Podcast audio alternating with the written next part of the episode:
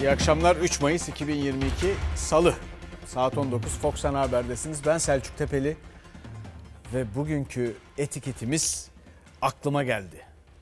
Feci yani en azından bizim reji için çünkü aklıma geldi. Yani doğru bir tercih mi emin değilim. Laf bitmeyebilir gerçekten. Buradan Özgür Çakmak'a, Çakmakçı'ya bizim kıymetli editörümüz, haber müdürümüz. Ona buradan selam ederim. Ee, Özgür Çakmakçı bunu kabul ederek büyük bir hata etmiş olabilir. Şimdi beni, bana hatırlatıyorlar süremiz sınırlı diye. Durun bakalım, durun bakalım.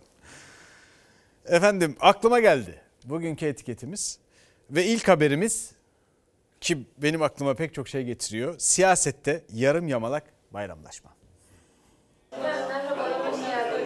İyi bayramlar dileyelim efendim. İşte gülen yüz umarım Türkiye'ye hep e, egemen olur. İnşallah güzel olacak. Her şey güzel olacak değil mi? İnşallah. evet, evet. Biz de bir sonraki bayramda böyle cam cama değil inşallah karşılıklı görüşerek can cana kutlarız. O sebeple AK Parti Genel Merkezi olarak bütün siyasi partilerle ve başta İYİ Parti'de de online bayramlaşmayı tercih ettik. Zoom'dan çok sanal oluyor. Hiç böyle duygusal bir iletişim olmuyor.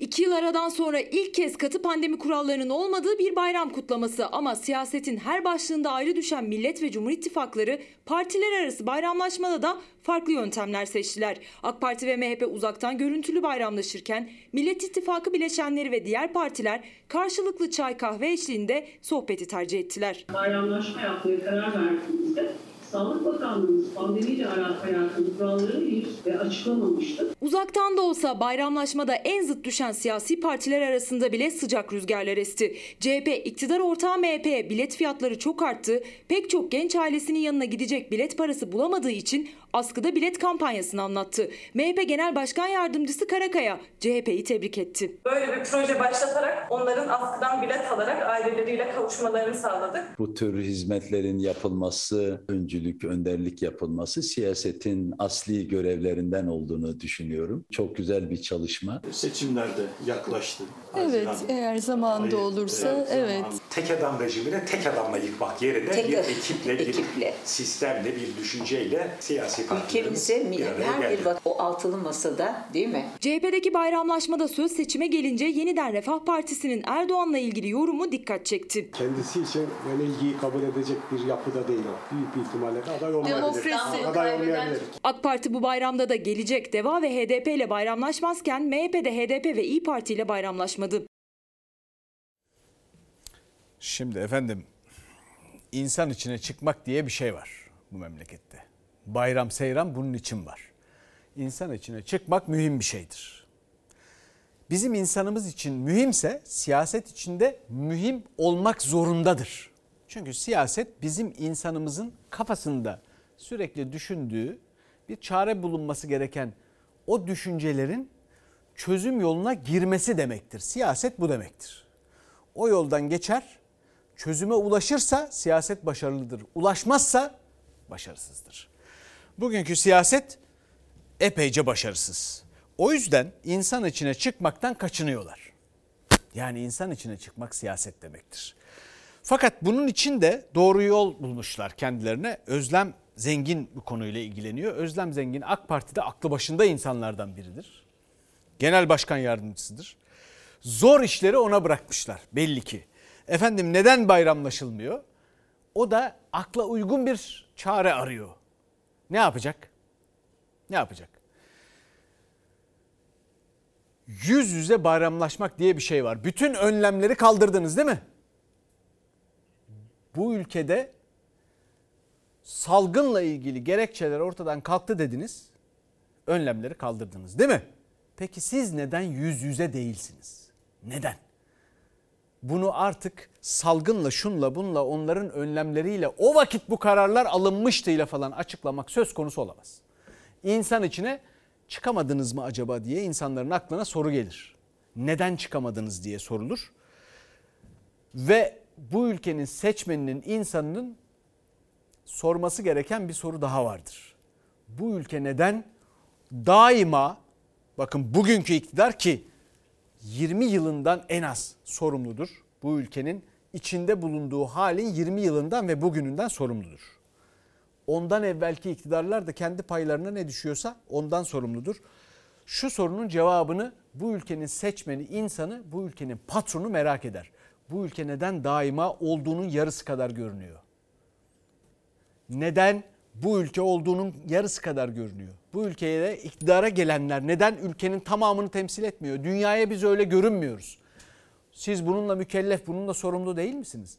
Bu ülkenin bütün imkanlarını kullanmak, bunun neticesini almak, dünyaya böyle göstermek, dolayısıyla güçlü göstermek zorunda değil misiniz?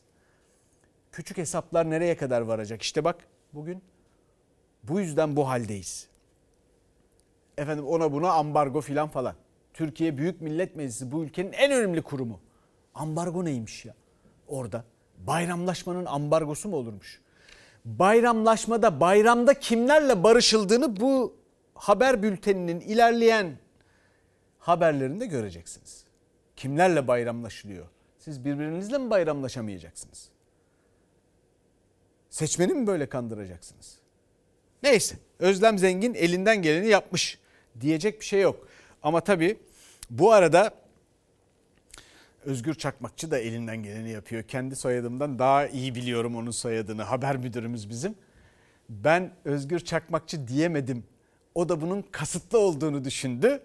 İkinci haber hazır değil dedi. Üçüncü habere geçelim dedi. Hadi bakalım şimdi ne yapıyorsun dedi. Sıralama değişti. Peki Özgür Çakmakçı'ya bizim rejiden haber müdürümüze selam olsun. Bu haberin kalanında onunla bizzat uğraşacağım. Efendim şimdi gelelim üçüncü habere. İkinci haberi sonra vereceğiz. Enteresan bir haber ha. Üçüncü haber seçim ittifak. Efendim işte görüşmeler, e, bir takım e, işte e, müzakereler, şunlar bunlar, altılı masa falan filan biliyorsunuz. İstanbul Büyükşehir Belediye Başkanı Ekrem İmamoğlu üstelik ilginç bir fotoğrafla birlikte ilginç bir laf etti. Altılı masanın neferiyim dedi. Şapkamı açsam, ceketimi açsam seçilirim rahatlığını, konforunu ortadan kaldırdık. Bundan sonra ağaların işi zor. Başkaları diyor ki her şeyi ben kazanacağım. Ya olmaz öyle şey. Bak öyle her şeyi ben kazanacağım diye diye üst üste iki defa kaybettiniz Allah aşkına ya. Olmaz. Olmaz. Bir kişi değil millet kazanacak. Deva Partisi logomuz, o damlamız var ya. Mündür öyle basacağız ki Türkiye olarak Beştepe'de birileri oturduğu yerden sıçrayacak. Muhalefet bayramda vites artırdı. Her konuşma iktidarı kazanmaya seçime sandığa çıktı. Elbette başbakanla talip. Partimiz birinci parti çıkacak.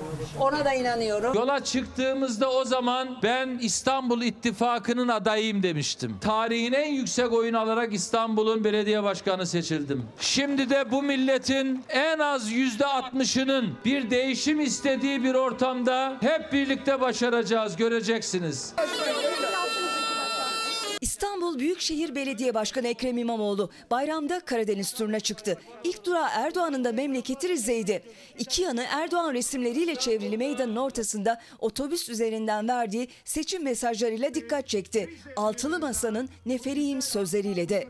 Ben de o altı liderin ortaya koyduğu düşüncenin İstanbul Büyükşehir Belediye Başkanı olarak en güçlü neferi olacağım hepinizin huzurunda söz veriyorum. Belki unutmuşsunuzdur. Her şey Vallahi hiç unutmadınız. Helal olsun size.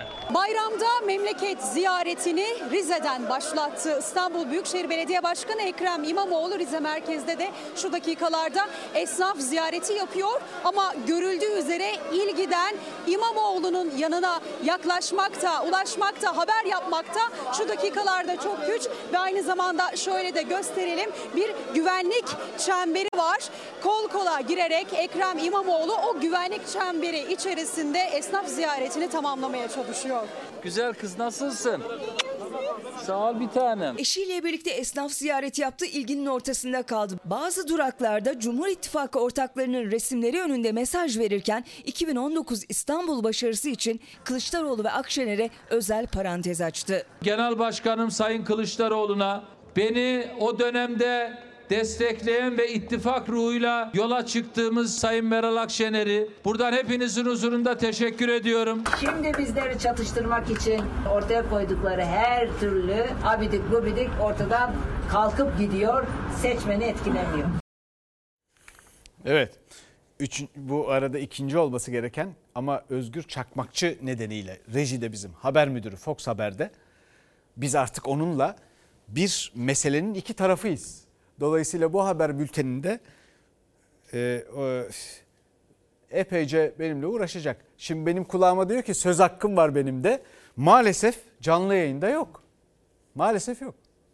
Dolayısıyla şimdi o ikinci olması gereken ama kasıtla soy ismini yanlış söylediğim için soy ismi Çakmakçı. Ben Çakmak dedim. Kasıt var mıydı? İtiraf ediyorum vardı. Çünkü onunla uğraşmayı seviyorum. Dolayısıyla o da ikinci haberi üçüncü haberin yerine koydu. Şimdi o üçüncü haber geldi. Aslında ikinci haber olan. O haber de çok ilginç bir haber. Bülent Turan'dan. Bülent Turan AK Parti e, grup başkan vekili. Grup başkan vekili düzeyinde siyasetle hep uğraştığımı bilirsiniz. En azından Özgür Çakmakçı kadar bizim haber müdürü. Dolayısıyla Bülent Turan'la da uğraşacağım bu haberden sonra. Fakat şimdi hiç lafa karışmadan söylediğini söyleyelim. Bülent Turan, AK Parti Grup Başkan Vekili, Çanakkale Milletvekili. Kendisi demiş ki 2023 virgül Çanakkale'ye dünyanın en büyük köprüsünü yapanlarla köprüyü sadece polemik konusu yapıp oradan bizi denize dökeceğini düşünen dangalakların seçimi olacak. 2023 Çanakkale'ye dünyanın en uzun köprüsü yapanlarla köprünün polemik konusu yapıp oradan bizi denize dökeceğini düşünen dangalakların seçimi olacak. Bunların özü bu. Bunların fıtratında küfür etmek, hakaret etmek var zaten. Dangalak ne demek? Millete dangalak demek ona yapılan en büyük hakarettir. Bir belediye başkanı adını zikretmek istemiyorum. Çıldırıyorlar, çıldırıyorlar. Delirmeye az kaldı misali. Her eden. Şehidimiz Eren Bülbül'e sıra geldiğinde Eren Bülbül'ün resmini koyamıyor. Eren filminin aktörünü koyuyor alçak. Kime mesaj veriyorsun? Hakaret edenler vesaire var ya, vız gelir tırıs gider. Kötü söz sahibine yaz. İktidarın muhalefete karşı kurduğu eleştiri cümlelerinde sınır aşıldı, üslup şaştı. AK Parti Grup Başkan Vekili Bülent Turan'dan dangalak, Bursa Milletvekili Hakan Çavuşoğlu'ndan da alçak ve hatta cinsiyetçi ağır hakarete varan sözler duyuldu. Bundan bir hafta önce yine gezi süreciyle ilgili bir grup başkan vekili çıktı. Bunun hesabını soracağız diyor. Ey be Buradan söylüyorum açık açık. Recep Tayyip Erdoğan'ı yalnız bırakmayacağız. Üsluptan tüm vatandaşlarımız adına utandık. Sokağa çıktıklarında vatandaştan gelen her eleştiride yanlış yaptıklarını gören bir siyasi partinin zıvanadan çıkması durumuyla karşı karşıyayız. Bayramda bile bu hakaret dilinden vazgeçemiyorlar. Anketleri gördükçe hakaretleri artıyor. Millette karşılık bulamadıkça ağızlarını bozuyorlar. Sözleri söz mü Allah aşkına? Bülent Turan memleketi Çanakkale'deydi. 1915 Çanakkale Köprüsü üzerinden gelen eleştirilere yanıt verirken sözleri sertleşti. Seçime yönelik kullandığı dangalaklar ifadesi tansiyonu yükseltti. 2023 bir parti seçimi değil. 2023 bir kader seçimi. Çok önemli seçim. 2023 Çanakkale'ye dünyanın en uzun köprüsü yapanlarla köprünün polemik konusu yapıp oradan bizi denize dökeceğini düşünen dangalakların seçimi olacak. Bir grup başkan vekilinin seçimlerin hangi iki kesim arasında geçeceğini ifade ederken kendilerinden olmayanlar için kullandığı dangalak ifadesi bir acizlik ve tükenmişlik göstergesidir. Millet İttifakı'nın tamamına oy veren seçmenlere kullanılan bu ifadeyi sineye çekmemiz mümkün değildir. Türk milletinin yarısını dangalak diye suçlayanlar yazıklar olsun bu anlayışınıza. Bülent Turan'ın sözleri Millet İttifakı'nda sert yankılandı. Turan yeni bir açıklama yaptı. Sözlerinin adresinin Gelecek Partisi Çanakkale İl Başkanı olduğuna işaret etti. Özgür Özel'e de niye üzerinize alındınız ki dedi ama sonrasında kullandığı ağır ifadeden geri adım atmadığını gösterdi. Hak ettiğiniz dilden cevap alınca incinmek yok. Bülent Turan'ın sözlerinin yankısı dinmeden aynı zamanda İnsan Hakları İnceleme Komisyonu Başkanı olan Hakan Çavuşoğlu'nun Özgür Özel'e yönelik ağır hakareti, gerginliği tavan yaptırdı. Bir grup başkan vekili çıktı. Bunun hesabını soracağız diyor. Ey be Buradan söylüyorum açık açık. Recep Tayyip Erdoğan'ı yalnız bırakmayacağız. Bunların ettiği küfürler bizim açımızdan gök gürültüsünden farksızdır. Mevlana ne güzel söylemiş. Yağmurdur çiçekleri büyüten, gök gürültüsü değil. Şimdi buna ne diyeceğiz? Bülent Turan'ın bu söylediğine ne diyeceğiz? Bir defa ilk soru şu. Bülent Turan bunu kendisi ya da kimi bağlayacak biçimde çünkü bir partinin grup başkan vekili konuşuyorsa o bağlayacağı söylediği şeylerin bağlayacağı insanlar açısından soruyoruz bunu. Kim soruyor? Ben soruyorum. Bir de Özgür Çakmakçık soruyor bizim haber müdürümüz. Bülent Turan ve adına konuştuğu bir yandan insanlar bunu, bu köprüyü cebinden para harcayarak mı yaptırmıştır? Kendi ceplerinden harcayarak mı yaptırdılar? Bu memleket insanının parasıyla yapıldı bu köprü. Ha ben bu ülkenin muhalefeti filan onlar gibi düşünmüyorum. Altyapı yatırımları el verdiği ölçüde bu ülkeye faydalı olacaktır. Bu iktidar döneminde bu fayda tam olarak sağlanamıyor. Görüyoruz. Çünkü bunu beceremiyorlar. Ama olacaktır, muhakkak olacaktır. Dolayısıyla bu ülkenin köprüleri, bu ülkenin tünelleri, bu ülkenin yolları, barajları neyse bu ülke insanındır. Hayırlı olsun. Emeği geçenlerin ellerine sağlık. Daha iyisi yapılabilir miydi? Kesinlikle yapılabilirdi. Mesela bizim haber müdürümüz Özgür Çakmakçı ve ben daha ucuza çok daha iyisini yaptırabilirdik. Her türlü ayıplanmayı göze alarak söylüyorum. Daha iyisini yaptırmak mümkün kardeşim. Bu kadar basittir. Kendi paranızla yapmadınız. Cumhurbaşkanı Erdoğan bu köprüyü açarken hemen yanında bir Güney Koreli vardı. Hemen orada anlayabilirdiniz onun bizim memleketten olmadığını. Kimdi o? Niye açılıştaydı? Madem siz bütün teknolojinizle, bütün paranızla cebinden Bülent Turan harcamış belli ki bu köprünün parasını. Güney Koreli o beyefendinin orada ne işi vardı? Demek ki Güney Kore'den bir şey satın alındı. Demek ki bu köprüye bir emeği geçti. Demek ki parasıyla yaptırıldı. Demek ki o para bu memleket insanının vergisiydi, parasıydı, çalışmasıydı, emeğiydi. O zaman herkes yaptırır. Daha iyisini de yaptırır. İşe yarayacak mı? Yarayacak. Allah razı olsun. Ama daha iyisini yaptırmak mümkün mü? Mümkün. Efendim bu memlekette biz ecdadımız ser mimaran hassa beynel milel uluslararası küresel mimarlar gördük. Mimar Sinan'ı gördük biz. Bülent Turan'a önerim Tesküretil Bünyan'ı okumasıdır. Bir okusun. Mimar Sinan'ın kendi çalışma hayatını, eserlerini, oradaki çabasını anlattığı kitaptır. Bir okusun bakalım. Şu laf var ya en büyük, dünyanın en büyük, en büyük, en denen şeyi var ya. Orada Sahi Mustafa Çelebi'nin tarifiyle en denen şeyin aslında neden sıkıntı yarattığını anlayabilirsiniz. En büyüğü en faydalı demek değil. En büyüğü en güzeli demek değil. Süleymaniye Camii'nin hikayesi böyle bir hikayedir işte. Efendim ecdadımız Tanpınar'ın deyimiyle ibadet eder gibi inşa etmiş. Şimdi bizim başımıza kakıyorlar. Neyse devam edelim. Şimdi gidelim bir masaya bakalım. Öyle bakalım, bakalım kalalım yani.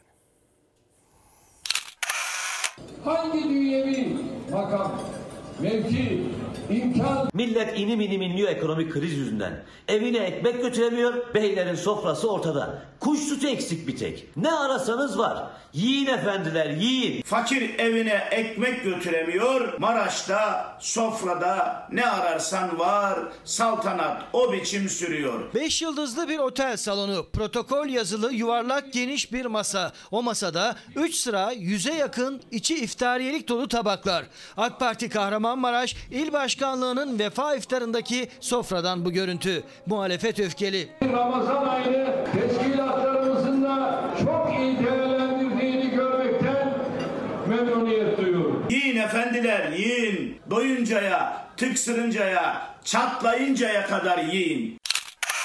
Bu fotoğraf AKP'nin milletten ne kadar koptuğunun fotoğrafıdır, belgesidir. AK Parti'ye kuruluşundan bu yana hizmet verenlerin katıldığı vefa iftarında tepkiye neden olan sofranın dolup taştığı masada Tarım Bakanı Vahit Kirişçi, AK Parti Grup Başkan Vekili Mahir Ünal da vardı. Muhalefet vatandaşın geçim derdini iftarda sahurda kuramadığı Ramazan sofrasına dikkat çekti. Hangi dünyevi makam, mevki, imkan Vatandaşa gelince domatesi taneyle alın diyorsunuz. Yarım kilo kıyma alın. Dişinizi sıkın, şükredin diyorsunuz. Kendinize gelince malı hamuduyla götürüyorsunuz. Yazıktır, günahtır. Lüks otellerde veyahut da o zengin görüntülü biraz müsriflik, israf olarak adlandırabileceğimiz sofralara asla oturmamalarını temin ediyoruz. Mehmet Özsaseki Ramazan öncesi yapmıştı bu uyarıyı. Ama önce AK Parti Ağrı Gençlik Kolları'nın lüks sahur programı polemik olmuştu. Kahramanmaraş'taki iftar sofrası sonrasında tepkiler çığ gibi. Sanki sarayda sefa yemeği. Ne ararsan var masada. Bir gün bu hanı yamanında sonu gelecek. Herhalde iktidar tasarrufu vatandaşa, itibarı kendisine reva görür herhalde. Masadaki isimlerden biri de Mahir Ünal'dı. Saadet Partili Bülent Kaya, Ünal'ın öğrenci evindeki sahurda menemen yaparken içinde sucuk olmasına verdiği tepkiyi hatırlattı. Bunlar menemenin içine sucuk katmışlar ha. Az önce bunlar şikayet etmiyor muydu ya? Öğrenciler bu iftar sofrasında Mahir Ünal'ın önündeki onlarca yüzlerce tabağı gördüğü zaman evinde konuk olduklarındaki o birkaç parça sucuğa şaşıran Mahir Ünal fotoğrafıyla karşılaştıklarında neler hissetmişlerdir? Ramazan bitti ama akıllarda iktidarın iftar ve sahur sofralarından yansıyan görüntüler kaldı.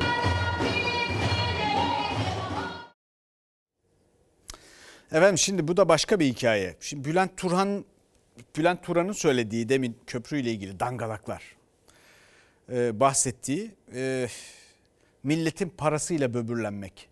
Ne kelime. Küstahça bir takım laflar etmek. Öyle algılayabilir miyiz? Bence algılayamayız. Çünkü Mahir Ünal AK Parti'nin kahrını çekenlerden biri. Urfa'da katıldığı veya bütün bu geçen aylarda katıldığı Kahramanmaraş'ta şimdi başka yerlerde de katılıyor. Gerçekten zor işler bir yandan da mesela bir takım isimlere kalıyor. Özlem Zengin dedik. Mahir Ünal da öyle zannediyorum. Öyle zorlu toplantılara katılıyor. İnsanlarla temas ediyor yüz yüze. Fakat bu önlerindeki masa akıl kârı değil. Acayip yani. İnsan tıpkı haberde e, Cemal Engin Yurt'un bahsettiği gibi Tevfik Fikret'i hatırlıyor. Ne o? Özgür Bey. Hayır, şa- şi- hayır şiirin adını söyle. Heh, ani ama. Tevfik Fikret. Yiyin efendiler yiyin bu hanı iştiha sizin. Açın bakın Tevfik Fikret'ten devamını görün. Bu memleket demek ki bunu hep yaşıyor. Ama çaresini bulamıyor. Mahir Ünal da onlardan birinin kurbanı olmuş. Böyle bir masa olur mu ya? Böyle bir masa olur mu abi? Bunu kim organize ediyor? Kim koyuyor bu tabakları buraya? İçlerini kim dolduruyor? Hiç kimsenin aklına gelmiyor mu kardeşim? Şükürden bahsedilen günlerde şükürsüzler eleştirilirken Cumhurbaşkanı Erdoğan tarafından bu nedir kardeşim? Devam edelim. Bu arada emeklilerimiz var tabii. Onlar bir müjde bekliyorlar. Üstelik Kadir Gecesi onlara bir müjde verileceğine dair sözler sarf edildi. Verildi mi? Hayır. Emekliyi umursamıyorlar. Sizi nazarı dikkate almıyorlar, kale almıyorlar. Diyorum size emekliler ya. Yani inanamıyorum buna. Bak her gün burada bahsediyoruz. 2500 liraya geçinmeye çalışıyor bu insanlar. Bu ülkenin inşa edicileri, bu ülkenin emektarları onlar. Ama bir müjde bekliyorlar. Söz de verilmiş. Aradığınız müjdeye ulaşılamıyor. Emeklerimizin maaşlarını enflasyon oranının üzerinde arttırdık. Ama enflasyonun tahribatıyla bugün bunlar yeniden gündemimizdedir. Sayın Cumhurbaşkanımız 1 Mayıs'ta bu konuda da gerekli müjdeleri bütün toplumumuzla paylaşır. Bir müjde gelecek galiba. Yok. Gelmez, gelmez. Tarih de verdi ama 1 Mayıs dedi. Geçti. 1 Mayıs geçti, 2 Mayıs geçti, 3 Mayıs'ta da o müjdeden haber gelmedi. Çalışma Bakanı 1 Mayıs'ta son iftarda Cumhurbaşkanı'na ne söyledi bilinmiyor ama kameraların karşısında net ve kararlıydı sözleri. Emeklilerimizi koruyacağız. Emeklilerimizi sosyal bakımdan korumak mecburiyetindeyiz. Sayın Cumhurbaşkanımız 1 Mayıs'ta bu konuda da gerekli müjdeleri bütün toplumumuzla paylaşır. Bu konuşmayı Kadir Gecesi'nde Bayburt'ta yaptınız. 1 Mayıs'ta Erdoğan emeklilere müjde verecekti. Beklenti yaratma makamında değilsiniz. Bir huzurlu bayramı çok gördünüz. Emeklileri yine hayal kırıklığına uğrattınız. Emeklilerin müjdesi nerede? Açıklanmadı evet açıklanmadı. Merakla bekliyoruz ama açıklanmadı. Umutlandık yani. Hükümetin ne biçim karar alacağını, ne yapacağını hiç bilmiyoruz. Bilmediğimiz için de böyle bekliyoruz. Emeklileri umutlandıran maaş iyileştirmesinin beklendiği 1 Mayıs'ta açıklama olmadı. 2 Mayıs'ta ise Cumhurbaşkanı kameraların karşısına geçti ama emeklinin adı bile anılmadı. Ne işçi bayramında ne de Ramazan bayramında müjde geldi. Bayramla gelen zamsız 1100 liralık ikramiye de yüzünü güldürmedi emeklinin. Neler yaptınız emekli ikramiyeniz? Emekli evde evde duruyor. Ne var ne yapacağım? Emekli ikramiyeleri de yattı. Neler yaptınız? Ha, ne yattı kızım? Yattı 100 lira para, 1100 lira para. Ne yattı yani? Ne yaptınız o ikramiye? Bugün de aç, yarın da aç. Görüşürüz, derdimi deşme. Asgari ücretin altında maaş alan 8 milyon emekli var. 2 milyon emeklinin maaşı ise 2500 lira. Daha doğrusu hazineden alınan kaynakla 2500 liraya tamamlanıyor. Yıllık enflasyon %61. Emekli maaşları ise enflasyon karşısında eridi gitti. Çalışma Bakanı da durumun farkında. Ama belli ki emeklinin umutlandığı maaş düzenlemesi kararı yine Cumhurbaşkanı'nda. Şimdi bu müjde bir kere söylendi mi? Söylendi. Müjdeye gerek var mı? Yok. Bu ülkenin sahibi, patronu sizsiniz. Bilhassa da emekliler. Bu ülkenin en büyük seçmen grubudur. Sizi önemsemiyorlar. Sizden eminler belli ki. O yüzden de böyle davranıyorlar. Fakat siyaseten doğru bir akıl yürütme değil bu. Ben size söyleyeyim. Bu müjde gerçekleşene kadar bu akşam bundan sonraki her akşam gerçekleşene kadar bunu anmaya devam edeceğiz. Bakalım ne olacak. Efendim şimdi devam edelim. Emeklilerimiz insanca yaşayamıyor. 2500 daha altında 2500 almayanlar var. Bir de lütfedip aç karnımızı doyuruyorlar. Üstüne biraz ekliyorlar sözde. Öyle de bir şey var. Nasıl siyaset performansıysa bu. Nasıl siyaset performansıysa. Ya bu ülke Avrupa ülkeleri kadar zengin olabilecek bir ülke. Çarçur ediyorsun, duman ediyorsun. Saçma sapan politikalarla borca sakıyorsun. Fak, insanları fakirliğe, fukaralığa mahkum ediyorsun. Ondan sonra da üstüne konuşuyorsun, laf ediyorsun. Neyse. Bir de kira meselesi var. Son 20 yılda 60 milyar dolarlık 2 milyar ton beton dökmüşüz. Bu ülkenin tarım arazilerinin %15'ini lüzumsuz betonla işgal etmişiz. Yok etmişiz. Şimdi buğdaya muhtacız. Onu da göreceksiniz. Fakat sonunda bütün bu betonun sonunda orta gelirliye bile kiralık ev bile yok. Aldığınız asgari ücretle İstanbul'un hangi bölgesinde oturabilirsiniz? Ya şu an ben tek başıma zaten kesinlikle yapamam İstanbul'da. Başımı alıp köyüme dönmem gerekiyor. Hiçbir yerinde. Memleketinden bile yaşamıyor. Bittiyse bile kiralar 2 milyar, 2,5 milyar. Asgari ücretlinin İstanbul'da barınma ihtiyacını karşılayabilmesi neredeyse imkansız hale geldi. İlçe fark etmiyor. Uygun fiyata kiralık bir daire bulmak artık çok zor. Merkezi ilçeler orta gelir grubunu da aşıyor. Örnek Kadıköy, Kirazlı asgari ücretin altında olan daire sayısı bir elin parmağını geçmiyor. İlçedeki ortalama kira yaklaşık 12 bin lira. O da fiyatı yüksek olan lüks daireler hesaba katılmadığında, katıldığında 17 bin lirayı aşıyor. Aşağı yukarı 3 asgari ücretten bahsediyoruz. Yani 3 3 kişi çalışacak sadece evin kirasını ödeyecek. 12 bin lira kira ödeyen bir vatandaşın en azından 30 bin lira geliri olması lazım. Araştırmayı Kadıköy Geçinemiyoruz platformu kiralık ev ilanlarının olduğu bir internet sitesinde 20 Nisan'da yer alan ilanlara göre yaptı. Kadıköy bölgesindeki toplam 737 ilandan 45'i yüksek kira bedelini ödeyemediği için hiç tanımadığı biriyle evindeki bir odayı paylaşmak zorunda kalanların verdikleri ilanlardı. Onlar araştırmaya katılmadı. Aynı internet sitesine bugün baktığımızda ve yine Kadıköy bölgesinde 4253 liranın altında kiralık daire ilanı aradığımızda karşımıza 63 ilan çıkıyor ancak sadece 5'i kiralık daire ilanı. O ilanlarınsa ikisi bodrum katında, biri yerle aynı hizada, diğerinin ise ısıtması bulunmuyor ve son ilansa yerin iki kat altında. Asgari ücretli gelirinin tamamıyla ancak bu dairelerden birinde yaşayabiliyor ve geri kalan hiçbir temel ihtiyacını karşılayamıyor. Çalışanın kiraya ayırması gereken pay her geçen gün artıyor. Oysa Birleşmiş Milletler'in kriterlerine göre konut giderlerine ayrılması gereken pay gelirin en fazla %30'u olmalı. Net %100 zam. Geliriniz bu oranda arttı mı? Hiçbir şekilde artı olmadı. Kiraların bu kadar zamlaması sadece fırsatçılık denir buna. Asgari ücret 4250. Şu an en kötü Zeytinburnu'nda kiralar 7 milyar, 5 milyar. Bodrum, giriş. Buna adam asgari ücreti nasıl verecek?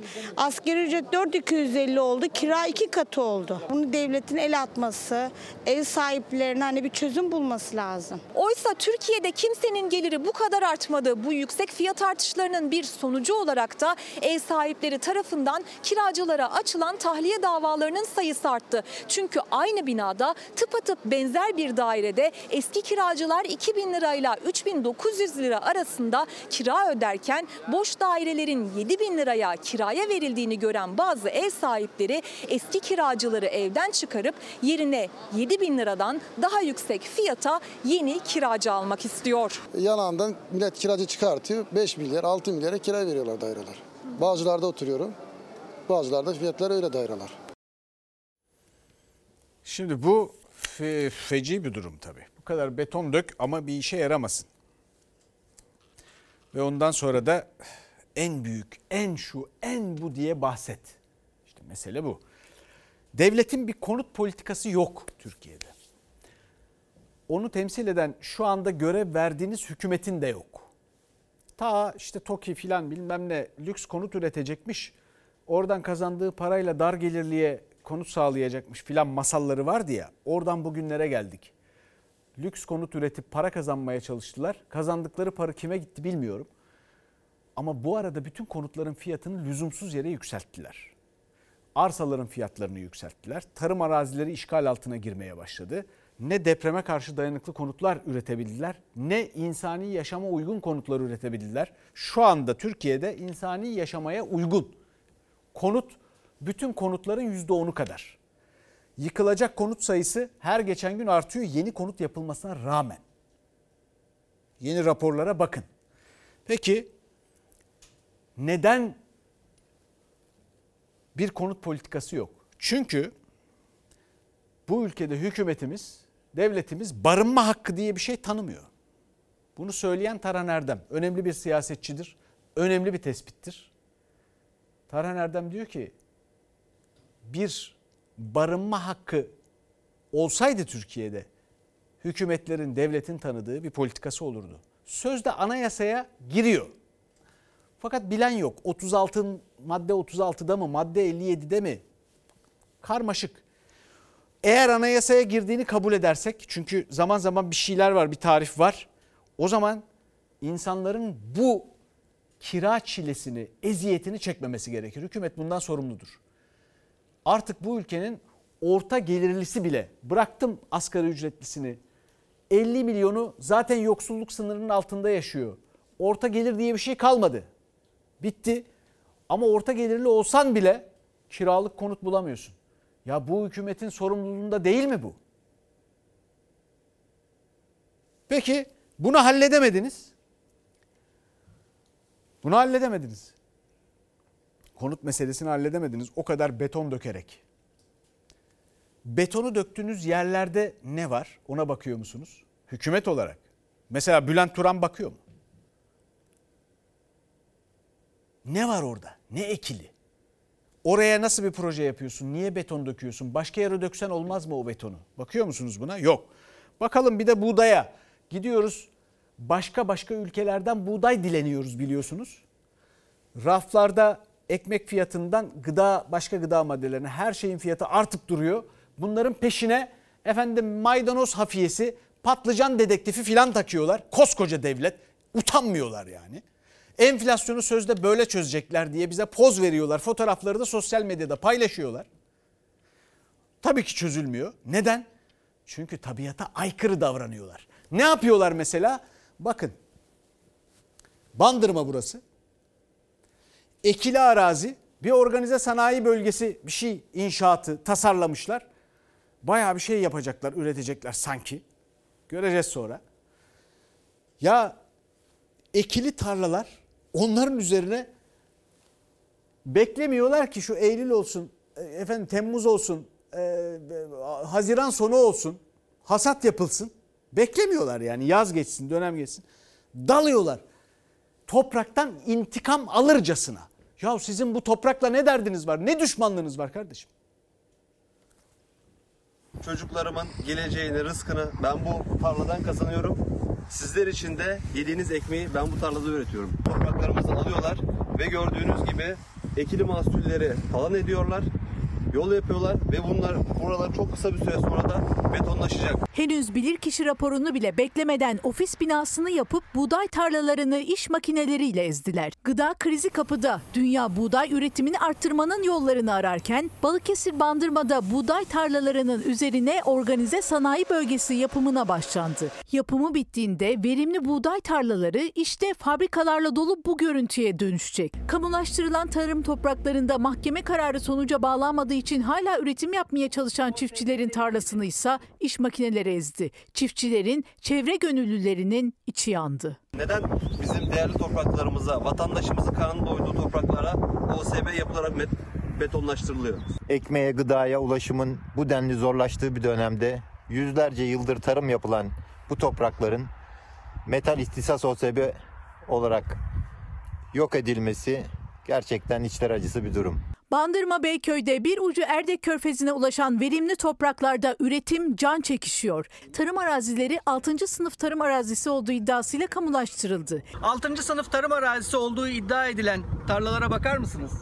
40 milyon metrekarelik alan metal ihtisas organize sanayi bölgesi olacaktı. Gelen tepkiler üzerine alan 8 milyon metrekareye indirildi. Çiftçiler yürütmeyi durdurma için mahkemeye başvurdu. Organize sanayi bölgesinin binası. Toprakları kazılıp açılan toprakları da görebilirsiniz. Bu toprakların 6. sınıf tarım arazisi olduğu iddia ediliyor. Mahkeme devam ettiği için çiftçiler üretim yapıyordu tarlalarında. Tarlalarının 6. sınıf değil 1. sınıf tarım arazisi olduğunun tespiti için bilirkişi bekleniyordu. Ama mahkeme kararı beklenmeden inşaat çalışmalarına başlandı. İş makineleri hasata bir ay kala olgunlaşmak üzere olan buğdayları ezdi. İş makineleri bütün hızıyla yol açma çalışmalarına devam ediyor. Buğday ekili tarlalarımızı çiğniyorlar. Efendim şimdi biz e, aşağı yukarı Romanya kadar Bulgaristan'ın yarısından fazla son 20 yılda toprak kaybettik. Tarıma elverişli toprak. Neden kaybettik? Böyle şeyler önemli etkenler. Topraktaki tarım dokusunu kaybediyoruz insandaki nüfustaki tarım dokusunu da kaybediyoruz. Çünkü çiftçiler bırakıyor. Bunlar tamamen bilinçsiz hareketler. Bir takım laflar ediliyor. Sosyal medyada yansısın. İşte sağa sola konu olsun filan diye ama gereği yapılmıyor. Şimdi sonra gidip başka ülkelerden işte tarım ürünü almaya çalışıyoruz. Para, Suudi basını söylüyor. Para dileniyoruz milletçe. Suudi basınında, medyasında, sosyal medyasında yansıyan şeyler var. Bütün bunlar aynı zamanda ekonomimizin genel görüntüsüne yansıyor. Çünkü ortada aslında bir ekonomi politikası, bir program, bir model, bir şey yok. Aslında enflasyonla mücadele de yok.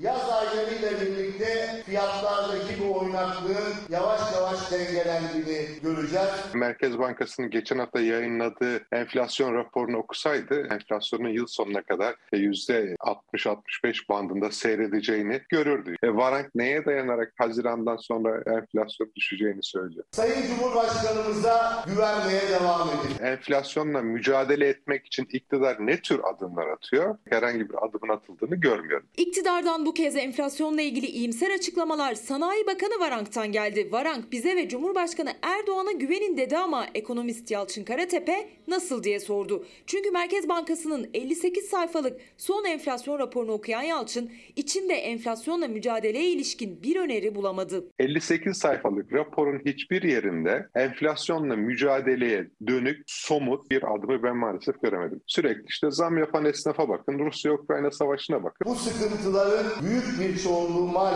yurt dışındaki gelişmelerden kaynaklı. Ondan dolayı ise neden bizdeki diğer ülkelerin 10 katı yüksek seyrediyor? Ben seçime tek haneli enflasyonla gideceğim 2023 Haziran ayında. Bakan Nebati'nin telaffuz ettiği oranlar ile Merkez Bankası'nın grafiklere yansıttığı rakamlar arasında bir uyum dahi söz konusu değil. Çift taneli enflasyon 2024 yılına kadar o grafikte karşımızda duran bir yer.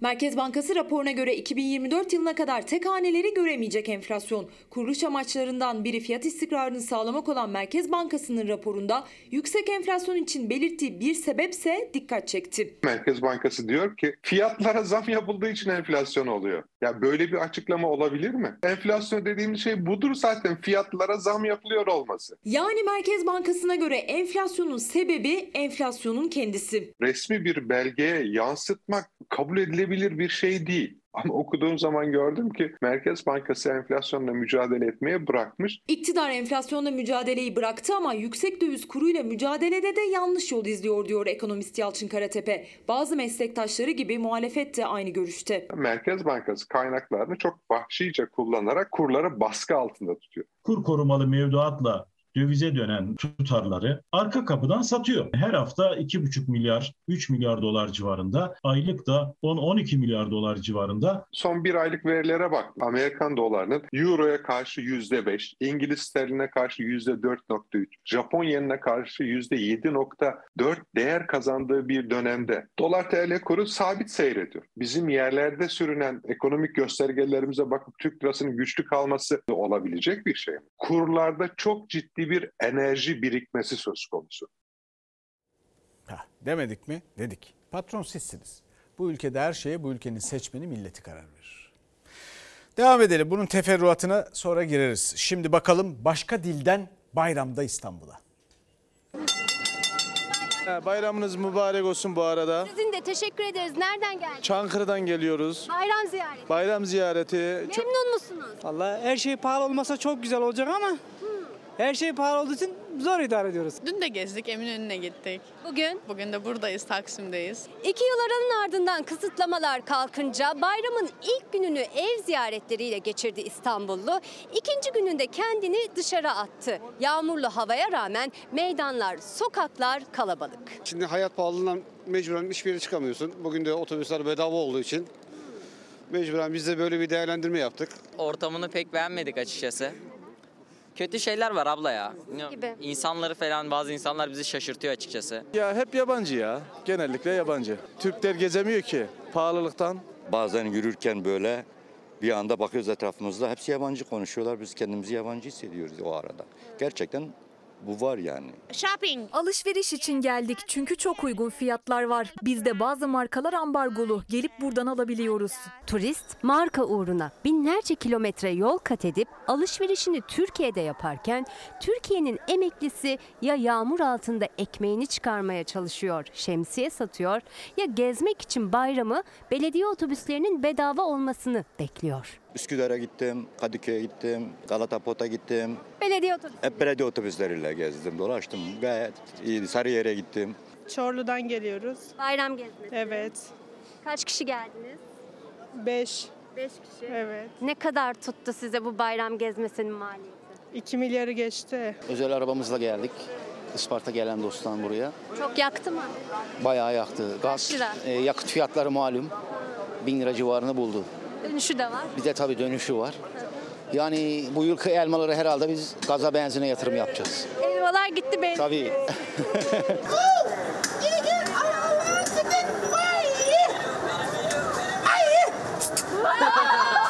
30 senedir buradayım. 30 senedir Taksim'deyim. Türk var mı, normal var mı, Avrupalı var mı de. Geneli Arap. Yabancı biraz fazla. Kazandırıyor mu size? Şükür hacı şükür kazandırıyor yani. Yalan yok narkotik iyi bir şey değil yani. Bir porsiyon İskender 68, menü 95 lira olunca leziz yemeklerle dolu vitrine bakıp içeri girmeden ilerliyor çoğu. Bayram gezileri en tasarruflu haliyle yapılıyor. Bir kebap yiyeceğime bir poğaça yedim, bir simit yedim. Yani Bunlar simit yediler. Ben daha bir şey yemedim. Gemide 4 tane kahve aldım 60 lira. Yani insanın böyle kendini bir Arap ülkesinde gibi hissetmesi gerçekten acı verici yani kötü. Dumanlı dumanlı oy bizim eller. Efendim şimdi bir reklam aramız var. Sonra bir dakika bölümünde beraberiz yine. Enteresan bir şeyler konuşacağız. Efendim şimdi mesajlara bakıyorum. Değerli izleyicilerimizden gelen, bu ülkenin kıymetli insanlarından gelen mesajlara. Bazıları da elbette bana kızanlar var. Ve onlar arasında şunu söyleyenler de var. Efendim başkalarının muhalefetin söylediği, sarf ettiği kimi isimlerin sözlere niye bir şey söylemiyorsun? Ya da bundan önceki hükümetler yapsaydı daha iyisini diyenler var. Şimdi bunların beni ilgilendirdiğini zannetmiyorum. Çünkü herhangi bir parti ya da hükümete ait değilim. Hiç olmadım. Hiçbirinden bir şey beklemedim. Ne bugünkü iktidardan ne bu iktidarın ki onu da siz bilirsiniz. Patron sizsiniz. Siz karar verirsiniz. Geçerse seçimde başka bir iktidardan bir beklentim yoktur. Bundan öncekilerin yapıp yapmadığı umurumda bile değil. Bu ülkenin neyi hak ettiğini ve neyi yapabileceğini biliyorum ben. Dolayısıyla taleplerinizi yükseltin diyorum. O bakımdan da bunlar boş laftır. Neden öncekiler yapmadı? Yapsaymışlar efendim. Bana ne bundan? Şimdikiler de daha iyisini yapsaymış. Bunu talep etmelisiniz. Sonra aklıma ne geldi? Bugün etiketimiz aklıma geldi ya. Erman Toroğlu'nun bir kitabı çıktı. Oynadım, oynattım, oynatalım. Turkuaz kitaptan çıktı. Bir gün takım oyununda izliyorum. Kendisini tanımıyorum, hiç karşılaşmadık. Orada tamamen başka bir sebepten dolayı kendisine yöneltilen sorulardan ötürü programdaki başka isimlere şunu söylemişti. Ya siz benimle röportaj mı yapıyorsunuz? İlginç bir laftı. Ben onu başka bir yerde kullanmak istiyorum. Siz bu milletle röportaj mı yapıyorsunuz? Kitap ilginç bir kitap. Bu ülkenin ilginç bir figürüdür. Aynı zamanda yine Ece Güner Toprak'ın Güçlendirilmiş Parlamenter Sistem Demokrasi Fırsatı kitabını okuyun derim. Anlamak için yol haritası, yapısal reformlar neye ihtiyacı var memleketin? Efendim bizden sonra Recep, Recep İvedik 5 var. Yarın görüşmek üzere. İyi akşamlar, iyi bayramlar. Sevdalı. Ben gönlünü eylerim Gerisi Allah kerim. Bir başkadır.